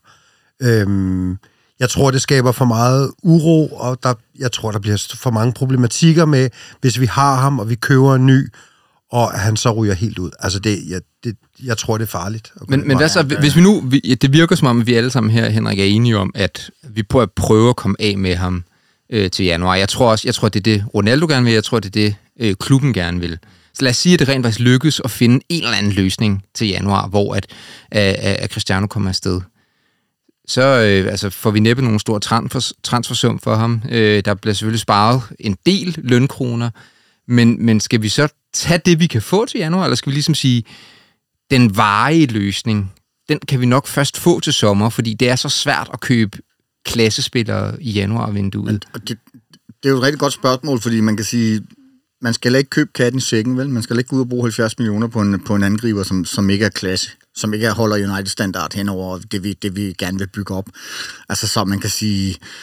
Altså, jeg ved ikke, altså, det er også det, Ivan Tony, kunne han, kunne han være noget? Hvor, hvor dyr vil Jamen, han det, være? ikke? Altså, problemet er, at han vil, han vil, tror jeg ikke, han vil koste Jo. 60-70 millioner, fordi det er Sikkert. Premier League-spillere, og så er det Præcis. sådan lidt, så de penge, vi kunne have brugt på første prioriteten, de brændte af, ikke? Altså, jeg synes jo, at han er god, men er han så god? Altså, Det er Ja, det. det tænker jeg. Emil, jeg, jeg, kunne, godt- jeg kunne godt tænke mig at spørge simpelthen i forlængelse af det, du sagde der. Øh, med, med, med de her statistikker, der lige er blevet ridset op, kan United tåle ikke at hente en nier? Altså, kan United tåle at gå igennem en hel sæson med øh, angriber, der simpelthen ikke scorer mere, end de gør? Men det er jo det, der er så sindssygt øh, svært et dilemma. Altså, fordi i princippet er der jo ikke nogen tvivl om, at hvis vi, lad os sige, at vi købte Ivan Tony til vinter. Jeg tror, altså, jeg har svært ved at forestille mig, at det ikke vil have en positiv effekt. Altså, fordi han, han, han scorer mål, og... Også på låget. Ja, ja, ja, han er, han er en god angriber. Men så kan man sige, så har du lavet et fix på den korte bane. Og det kan være, at det måske vil det være forskellen på at blive nummer 4 eller 5, eller hvad ved jeg, eller på at vinde FA Cup og ikke vinde FA Cup. Det ved jeg ikke, det er svært at sige. Altså. Men det, det vil sandsynligvis have en positiv effekt på den korte bane. Men er han ikke for tung, Tony? Er han ikke Ja, for tung? det ved jeg ikke. Men øh, så kan man sige, at han er for gammel, han er 27, og altså hvor mange... Der er også sådan, for det, det, den lange bane er jo så, hvis vi bruger 70 millioner på ham, for at sige et eller andet tal til vinter, i stedet for at vente til sommer, hvor vi måske, jeg er helt sikker på, at Ten Hag allerede har en liste over kandidater, og han kender nogle spillere, der har, han har set i Holland, og, og så videre, og så videre, som passer lige ind i hans system, så kan det være, at vi måske til gengæld, hvis vi venter, kan få en eller anden spiller til sommer, som er 24, og som har et niveau mere end Tony har, og som kan være med til at bygge noget op over de næste par år, og som så til gengæld, så kan det godt være, at vi mangler den effekt til foråret, men til gengæld, hvis vi så kigger tre år ud i fremtiden, at så kan vi nå... har du jo næsten også, næsten også svaret på dit spørgsmål. Ikke? Jamen, altså, det er der, det. Der, det kommer an Det på, om det. man har det lange lys på, ikke? Ja. Altså, og det tror jeg, vi, det tror jeg Manchester United, øh, Ten Hag, det, det skal vi have nu. Vi ja. bliver nødt til at tage ja. det lange lys på. Men er vi ikke også enige i, at, at hvis vi sælger Ronaldo til januar, så er vi jo, altså, så, så, så har vi for få, så er vi nødt til at få et eller andet ind. altså, præcis. Helt sikkert. Ja. Jeg ved, hvad har vi i U21 op foran? Der er jo, Jeg kigger på Morten. han, øh, Der er ham, der er jo O'Neill, ikke? Er det ikke det, han hedder? Øh, den unge angriber der, og så er der... Short tire. Ja, men altså... Der er ikke, ikke nogen, der er klar til at gå ind og brænde Premier League af, vel? Øh, Nej, men jeg, tæ- jeg tænker bare i forbindelse med, at hvis vi nu beholder Ronaldo, hvilket ikke er usandsynligt, at øh, og en Martial, der er skadet hver anden kamp, altså bare så vi har noget aflastning. I stedet men, for, at vi går ud og betaler en eller anden overpris for en eller anden afdanket gammel, der skal holde frem til sommer. Så kunne jeg godt tænke mig at spørge på en anden måde. Øh, Er det, er det, er det utænkeligt at tænke, at der er nogen i vores egen trup, der lige pludselig kan finde nogle evner frem foran kassen, og så kan blive, øh, blive den nier, vi har skrevet efter? Altså en øh, Martial, der måske kommer og kan holde sig skadesfri, eller Rashford, der, der finder ud af, at man ikke behøver at tyre to meter foran mål hver gang. Men eller Mar- eller Martial andet. kommer jo højst sandsynligt ikke til VM, vel? Altså også på grund af hans skader og sådan noget. Så man kan sige, kan man, kan man bygge på ham, langsomt bygge ham op hen over de her næste seks måneder, mm. eller øh, seks uger, øh, til, til efter VM er slut, eller så er det faktisk to måneder, ikke? Han har indtil vi skal begynde at spille juleprogram. Han, han har haft en helt preseason, og så øh, går men han i stykker åh, jeg har bare ikke samme, lyst til helt at afskrive, afskrive øh, Nej, han er Tony fantastisk. Nu. Han er fordi... Nå, Tony. ja, Anthony, Tony, Tony Marshall, ikke? Ja. Jeg har bare ikke lyst til at, at, at afskrive ham 100%. Fordi Nej. han kunne godt være manden, men problemet er jo de der skide skader. Altså, det er jo, det, det er jo lidt ligesom Louis Saha, ikke? Da vi havde ham. Altså, han var ja. fuldstændig vanvittig, men han gik i stykker for et godt ord, ikke? Men hvis vi skal skære det fuldstændig ud i pap, hvad hælder I så mest til? At hente en middelgod til det gode løsning i januar, eller beholde det, vi har? Og altså, satse på, at det, det bærer os igennem sæsonen. Hvis jeg skal svare på mit eget spørgsmål, ja. så det jeg håber, der sker, det er, at vi kommer af med Cristiano til januar. Mm. At vi så henter en billig, relativt øh, kortsigtet løsning. Øh, hvad enten det kan være en lejeaftale, eller en etårs kontrakt på en spiller, der er aldrende, men ikke helt så aldrende som Cristiano, måske har en anden profil, der passer bedre til Ten Hag's øh, spil. Og vi så, altså, og af vores store signing til sommer, så bliver en, øh, en, en ny nier. Det, det, vil være, det vil være min Så du hælder til en midlertidig løsning Ja. der? Ja, Morten? Det, det gør jeg egentlig også, fordi at man kan sige, hvis, hvis vi kigger på, på Fergie, eller på Fergie, hvad hedder det, på United post-Fergie, altså øh, har vi jo nærmest ikke haft en angriber, der har scoret 20 mål i en sæson, vel? Altså, og man ved, at man skal have et stærkt midterforsvar, du skulle have en funktionel midtbane, og så skal du have en angriber, der scorer 25 mål for at blive misse titelkandidat, ikke? Øh, Så, så jeg er også med på den der med at lade os, lade os gemme pengene, og så lave en eller anden form for lappeløsning øh, frem, til, frem til sommer. Hvad siger du, Henrik? Øh, helt enig med Emil. Det er meget præcist beskrevet. Hvem, altså, hvem den lappeløsning så skulle være, det har, det har jeg siddet selv og tænkt lidt over de sidste par dage. Altså, hvem er der der? Altså, det, det er også let at sige, sådan, når man så skal vi finde en eller anden, som vi lige kan få ind på et halvt eller hele års kontrakt, som er god nok til at være bedre end Cristiano Ronaldo, mm. øh, og, og gøre en forskel, men, men som vi stadig kan få uden at sprænge banken. Altså, det er jo let at sige, uden at sætte navne på, øh, fordi jeg, jeg ved ikke lige, hvem det er. Nej, det, det, er et, øh, det er et godt spørgsmål, faktisk. Det kan være et spørgsmål, vi skal sende ud til lytterne, og så høre, om de har et godt bud på, hvem Ja. ja. en uh, midlertidig løsning kunne være til januar. Smid det i Måske. kommentarsporet. Det gør vi. Jeg tænker, at øh, det var afrundingen for øh, angriber-snakken her, fordi nu øh, har vi en øh, mand i Manchester, der venter på, at vi, øh, vi ringer til ham. Så øh, jeg tænker, vi skal have fat på den øh, gode Chris og høre, hvad han har at sige.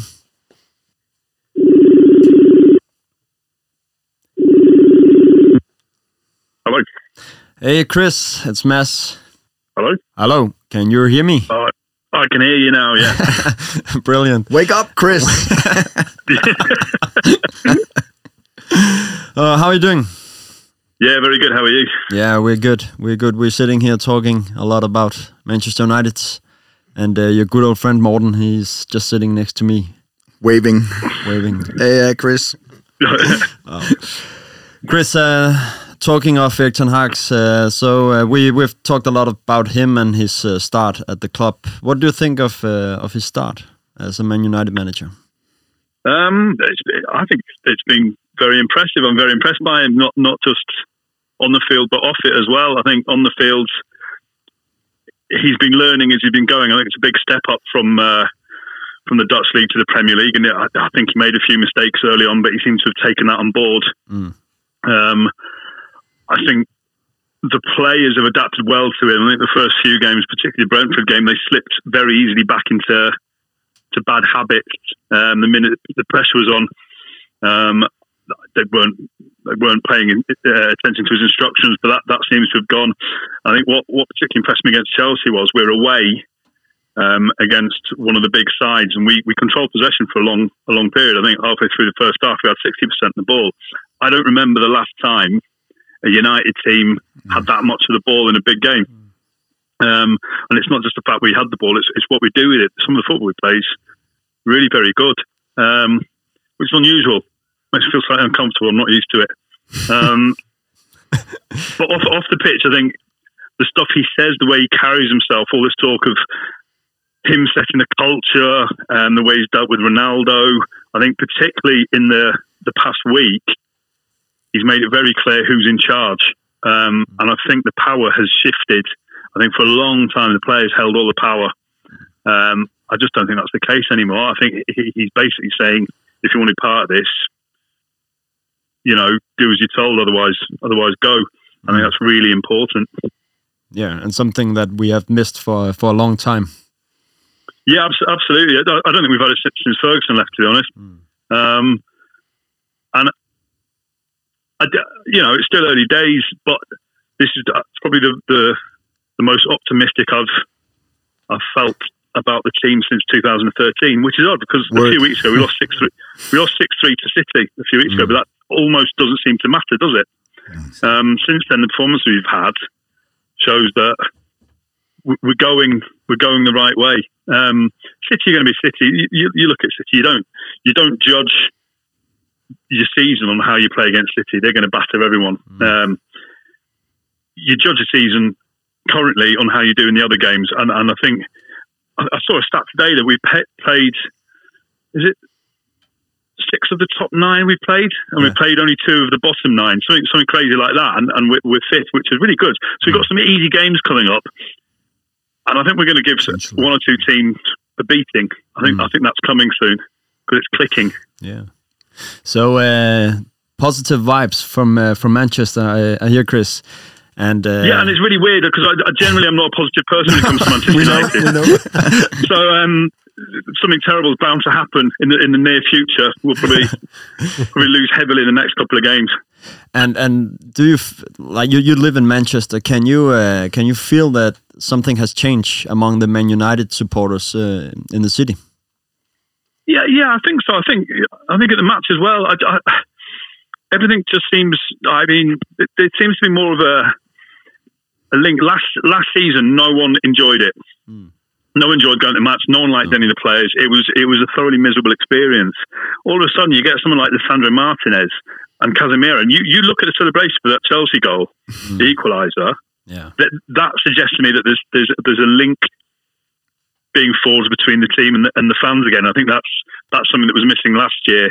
I think I think the majority of the fans are on board with it. I think the players are on board with it, and I, it, yeah, it's it's all you want when you go to the match. It, winning and losing is not the most important thing. It's it's enjoyment.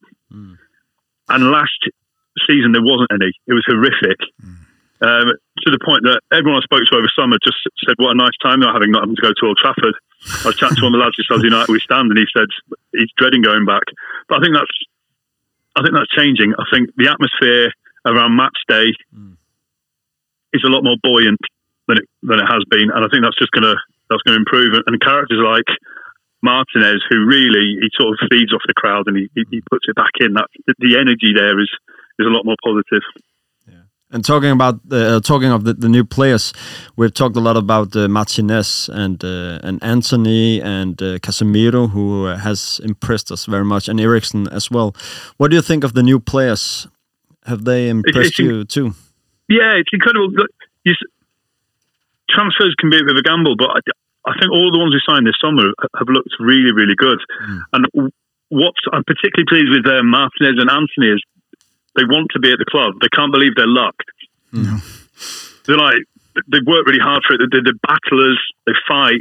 They've got they've got talent, but really their attitude is we're at Manchester United, the biggest club in the world. Let's prove ourselves, and that's that's superb. And, and Casemiro, who a lot of people wrote off, said he's here for the pay deck. He must be Crocs. I, my mate sent a message. I in his second appearance, after ten minutes, saying, "When are we going to admit that Casemiro was uh, is, is rubbish?" Like, "We'll probably, yeah, probably give, give him longer than half an hour of playing time." And the last couple of games, he looks fit, he looks sharp, and he looks like everything our midfield has been missing for probably a decade. He's tough, he's savvy, he, yeah, he's classy, and I, I mean that. He's not a goal scorer, but that goal he got against Chelsea, that's incredible technique to get that header on target, let alone let alone in. So I, I, I think he's doing the job that Fred and McTominay together couldn't do as one man, and it, it allows us to have Ericsson and Fernandez pulling the strings. It's yeah, it's, it's very very good. Yeah, and uh, and we we have like missed a player like him for for years. Do you think he's like the answer to the yeah to, to the to the problems that United have had for for years um, at that position? Yeah, I hope so. I mean, like I say, it's early days. It's I mean, we've had what three, three or four good games from him. If you can carry that forward, but all of a sudden, the spine of the team, Martinez and Varane, if we can keep him fit, and Casemiro, that's a serious, that's a serious looking foundation to build on. Um, there's a lot of experience there and a lot of class, and, and uh, fingers crossed. Yeah, we, we've got a player there for, who can do the job for the next three, three, four, five years. Yeah. Yeah. Chris, um, you know, the last week there is a, a guy from Portugal called Cristiano Ronaldo who's been, um, yeah, he's been in the headlines. Um, Yeah, he's always in the headlines, though, isn't he? That's- he loves always- it. Yeah. What do you think about all the, the, the whole Cristiano Ronaldo situation at the moment? Look, we've all known for 20 odd years that Ronaldo's a dickhead, haven't we? We all know that. the thing is, We, we did, yeah, and we do. yeah, but if he's, if he's a dickhead scoring 50, 60 goals a season, winning you leagues and European Cups, you, you let it slide. It doesn't matter. The issue is when he stops doing that, you're just left with a dickhead. And and he's not the player he was. He, I mean, there's no doubt now. Last season we were a dysfunctional team, and him up front he would get us goals. We're now a functional team, and he is not part of it. Have you heard we what don't talked look as about good with him earlier? playing. So, Yeah, it, it, it, What do you think on. we should do with R- uh, Ronaldo now? Should we like oh, you should should never play, play for the club again, again. or he should never no, play he shouldn't. I mean, I, I, I think we, we keep holding him to the World Cup, let him have his World Cup, and then sort him out a deal in January. I just don't see the benefit of having him around. He doesn't want to be here. He made that very clear in the summer. Yeah. Um, he's made it even clearer now. I mean, it's really frustrating. His, his, his mates in the media, Keane in particular, I don't get it. They're saying that Ten Hag's not showing Ronaldo respect. You, when I talk about disrespect, Ronaldo refused to do pre-season. Hmm. He's 38 years of old. 38 years old. He wouldn't do pre-season, and now it's showing. He's not fit because he didn't have a proper pre-season. That is disrespectful to the club. He only came back when it became clear that absolutely no one else wanted him hmm. because of his wages and because he's just not that good anymore. His legs look shot. Um, so last season, he'd get you a few goals. He just doesn't look like scoring, does he? It's really embarrassing watching the players try and set him up like a like like a son in a testimonial. You know when they bring like an eight year old and, and, and try and roll in the ball in front of goal, like all the time against Amonia Nicosia, they're just rolling the ball. Like, stop passing to fucking Ronaldo. Just just just pretend he's not playing. We're, we're playing with ten men essentially. Stop giving him the ball. Just don't do it. But instead they just oh let's get him his goal, his 700th goal. It's it's pitiful to watch. But I mean, it, it's so bad that I want us to play Martial, and I've spent five years saying we should sell him. So And Morten, Morten has a question for you. Yeah, yeah. Hi, Chris. I was just thinking. Um, yeah, yeah. Ronaldo's used to making all these goals. I mean, we were just speaking about he actually did an old goal now. Uh, in terms of the way he kind of shifted the power back to Ten Hag, uh, in a way he allowed Ten Hag to to stamp his authority, and and the real winner might be Ten Hag in this whole fuzzy, fucked up situation. What what do you think about that? Uh, Yeah, absolutely. I mean, Ten Hag's played absolute blind. It reminds me of when Mourinho came in and managed Rooney out of the door. Rooney had been stinking the place out for three seasons, but it's Wayne Rooney. You know, he's our captain. Yeah. He's our record goal scorer. Ten Hag this season has said, basically given Ronaldo the opportunity. He's played him. He's brought him on as a sub. Ronaldo's not performed, and then he's refused to come on in the Spurs game. So I mean, it's, it's a case of giving giving Ronaldo enough rope and letting Ronaldo hang himself. That's that's what's happened. Yeah, yeah, like, definitely. Ten Hag's played it absolutely perfectly. I mean, it's very, very, very, very clever, really. Um, and I'm, I'm sure I'm sure Ronaldo's frustrated for loads of reasons. Ronaldo wants to play. He, he- he's a winner. He, you know, he's so driven. He wants to he wants to perform. But he's also a massive crybaby and a show off. And all of that stuff against Spurs, he stood there in the technical box for five minutes and then going down. That's that's because he wants to be the centre of attention. Yes, he knew he, He would wants to have be all the the headline all the time. Yeah, and and you know he, can- he can. I'm, I'm you know one of the great things about Pogba leaving is we don't have to hear about Paul Pogba anymore. Oh, that's nice. Like even when Pogba wasn't playing, we were hearing about Pogba. yeah. I don't want to hear about Ronaldo anymore. I'm bored No. of it. I'm just absolutely sick of hearing about him. Let him go. and Let him if- do what he has to do and wherever. And, and, and if, if we let him go um, in January, uh, or hopefully we do, um, do you think we should buy a new target player or, um, or a new a new striker, or do you think we should stick to Martial or Rashford or I don't know? Yeah, we definitely need a striker. The, the, the chances we're creating, if we had a, a proper centre forward, we'd be scoring scoring hatfuls. I mean, Rashford's done better this season, but I'm still not convinced him as a number nine. Martial can't stay fit. We, we need someone to stick the the ball in the back of the net. Do you have any I don't know. uh, any uh, names in the bowl? I don't really know any footballers, to be honest. Um, this, this, this Gakpo, whatever his name is, everyone goes on about him. But I, I'm, I'm convinced that people just make players up they've seen playing on FIFA or on the Xbox or something. No, I, d- there, will be someone out there, but centre forwards cost a lot of money, Mm. particularly uh, you know proven ones. I d give back Ten Hag. He has shown that whatever players he wants, come in and do a job. So whoever he wants, sign him. It's not you know. Luckily, we didn't get we something. donkey from Liverpool. Hope that was the Oh, best he's thing. awful, isn't he? Yeah, Ronaldo stayed, and we didn't get Nunes. Thank you, Ronaldo. So Yeah. we got to give him some credit Yeah, there. some, yeah, some, some good games. Honestly, he's Always look at the bright side of life, right? yeah the, the, the South American Andy Carroll, isn't he? Carroll, Better looking tattoos. Yeah. so he's the fastest player in the Premier League history. Did you see that? Yeah, He set a new record. How how's that? I don't know. Yeah, I saw that. Incredible. He really fast. Yeah. Ah, he's good at scoring goals, then we had a problem. But no, No, Well, he's fast, so All right. Chris, uh, it was a pleasure having you with us today. Thank you for your time. it's been a pleasure. And, See you soon, uh, Chris. Yeah, see you soon, and uh, we are already looking forward to to hear from you again. It's always uh, funny. Nice one. Cheers, gents. See you. see you, Chris. Bye. See you later Bye. on. Bye bye. Det var godt at høre, at stemningen var høj i Ja. Manchester op til kampene, og øh, Ja, det er fedt. Ja. der er Der er elektrisk noget, derovre. noget liv igen, ikke? Ja.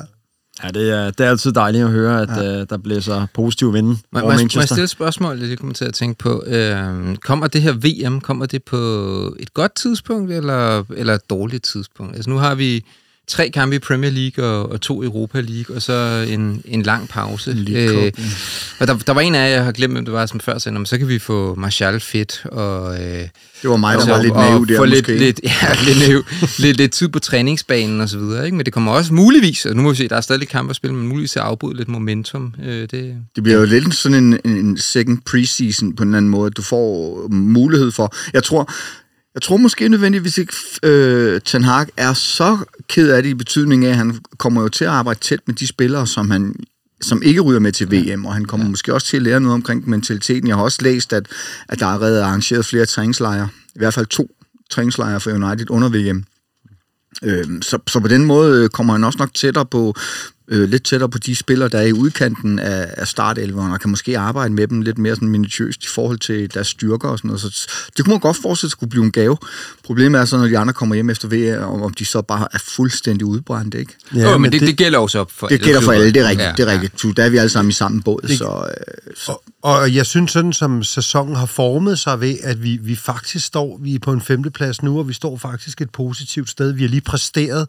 Jeg tror, Chris han sagde, at vi havde mødt øh, øh, seks ud af top 9 holdene. Jeg tror faktisk, det er syv mm. ud af top 9 holdene, vi har mødt. Og hvis vi ser på vores program frem til VM, så er der altså et tag selvbord. Det, men hvis vi lægger den øh, arbejdsindsats for dagen, og det spil for dagen, som vi har gjort de sidste par kampe her, så, så høster vi altså igennem. Øh, Jeg tror, og sjov nok, så tror jeg, at det eneste top 9 hold, vi ikke har mødt, det er Fulham, som jo må sige sig være en dem overraskelse. skal vi møde vi har, sidst, vi har mødt, sidst kamp i den VM. ja, vi har mødt alle de store, ikke? Øh, så kigger du, vi et point efter Chelsea. Chelsea har hverken mødt Arsenal, City eller Liverpool. Det er ikke helt dumt. Det er ikke helt dumt. Det Det, er er det altså ikke. Og øhm, øh, nu har vi en Sociedad-kamp, hvor vi skal have vasket den der plet af forhåbentlig, og så, så hedder det altså lavere hold, og, øhm, og, og så har de et VM at se frem mod en pause, øhm, og det, det tror jeg er et godt stop for os. Og hvem ved, måske United finder deres kommende angriber til øh, VM, hvis... Øh, En Chicharito yes. eller et eller andet, der bliver gravet ja. frem. Man kan Oh, der var den, Morten. Ja. nu må vi se om øh, Rio og Keane og dem også mener, at han skal spille, øh, så han bliver hentet tilbage. Jamen han mente jo, Chicharito havde jo meldt ud, at han, øh, han rent faktisk ville betale sin nuværende klub for at få lov til at spille gratis. Han spiller i. USA, ikke? Jo, og han spiller i LA. Det er lige før, vi kan bruge ham.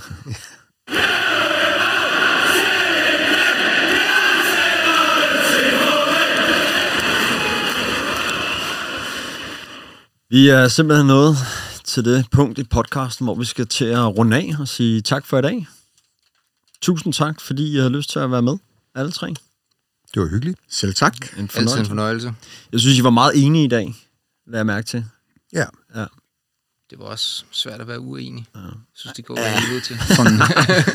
Jamen, jeg tænker, Henrik, han plejer altid at være lidt på tværs, men han, øh, du måtte jo krybe til korset allerede fra start i dag også. Ej, men, ej, men det, det altså, øh, nu skal, han har spillet halvanden god kamp, og han har spillet seks ringe, så altså, vi skal... Casemiro nu? Ja. Ja, okay.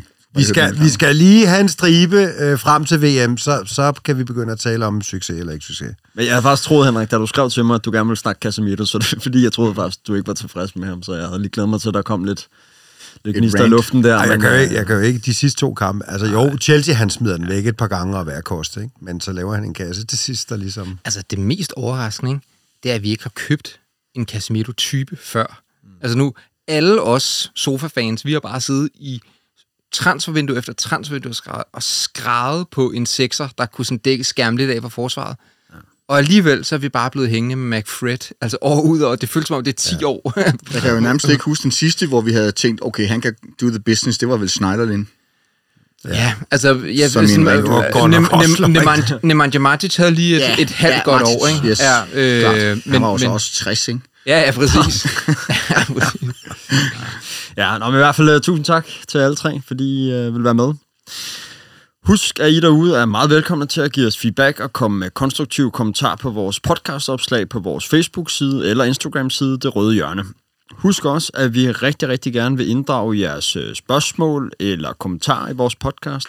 Så skulle du sidde inde med noget, du har på hjerte, og gerne vil have, at vi debatterer, så skriv ligeledes i kommentarfeltet på Facebook eller på Instagram, når vi reklamerer med en kommende podcast. Fortæl os rigtig, rigtig gerne dine øh, gode United-venner eller veninder om vores podcast, så det kan komme lidt ud blandt alle de gode Manchester United-fans, fordi det vil vi blive rigtig, rigtig glade for. Hvis du skulle sidde med en drøm om at komme til Manchester og se de røde djævel spille på Old Trafford, så husk, at du for blot 199 kroner om året kan melde dig ind i den skandinaviske supporterklub på www.united.no og derigennem få en rejsepakke til en rigtig god pris.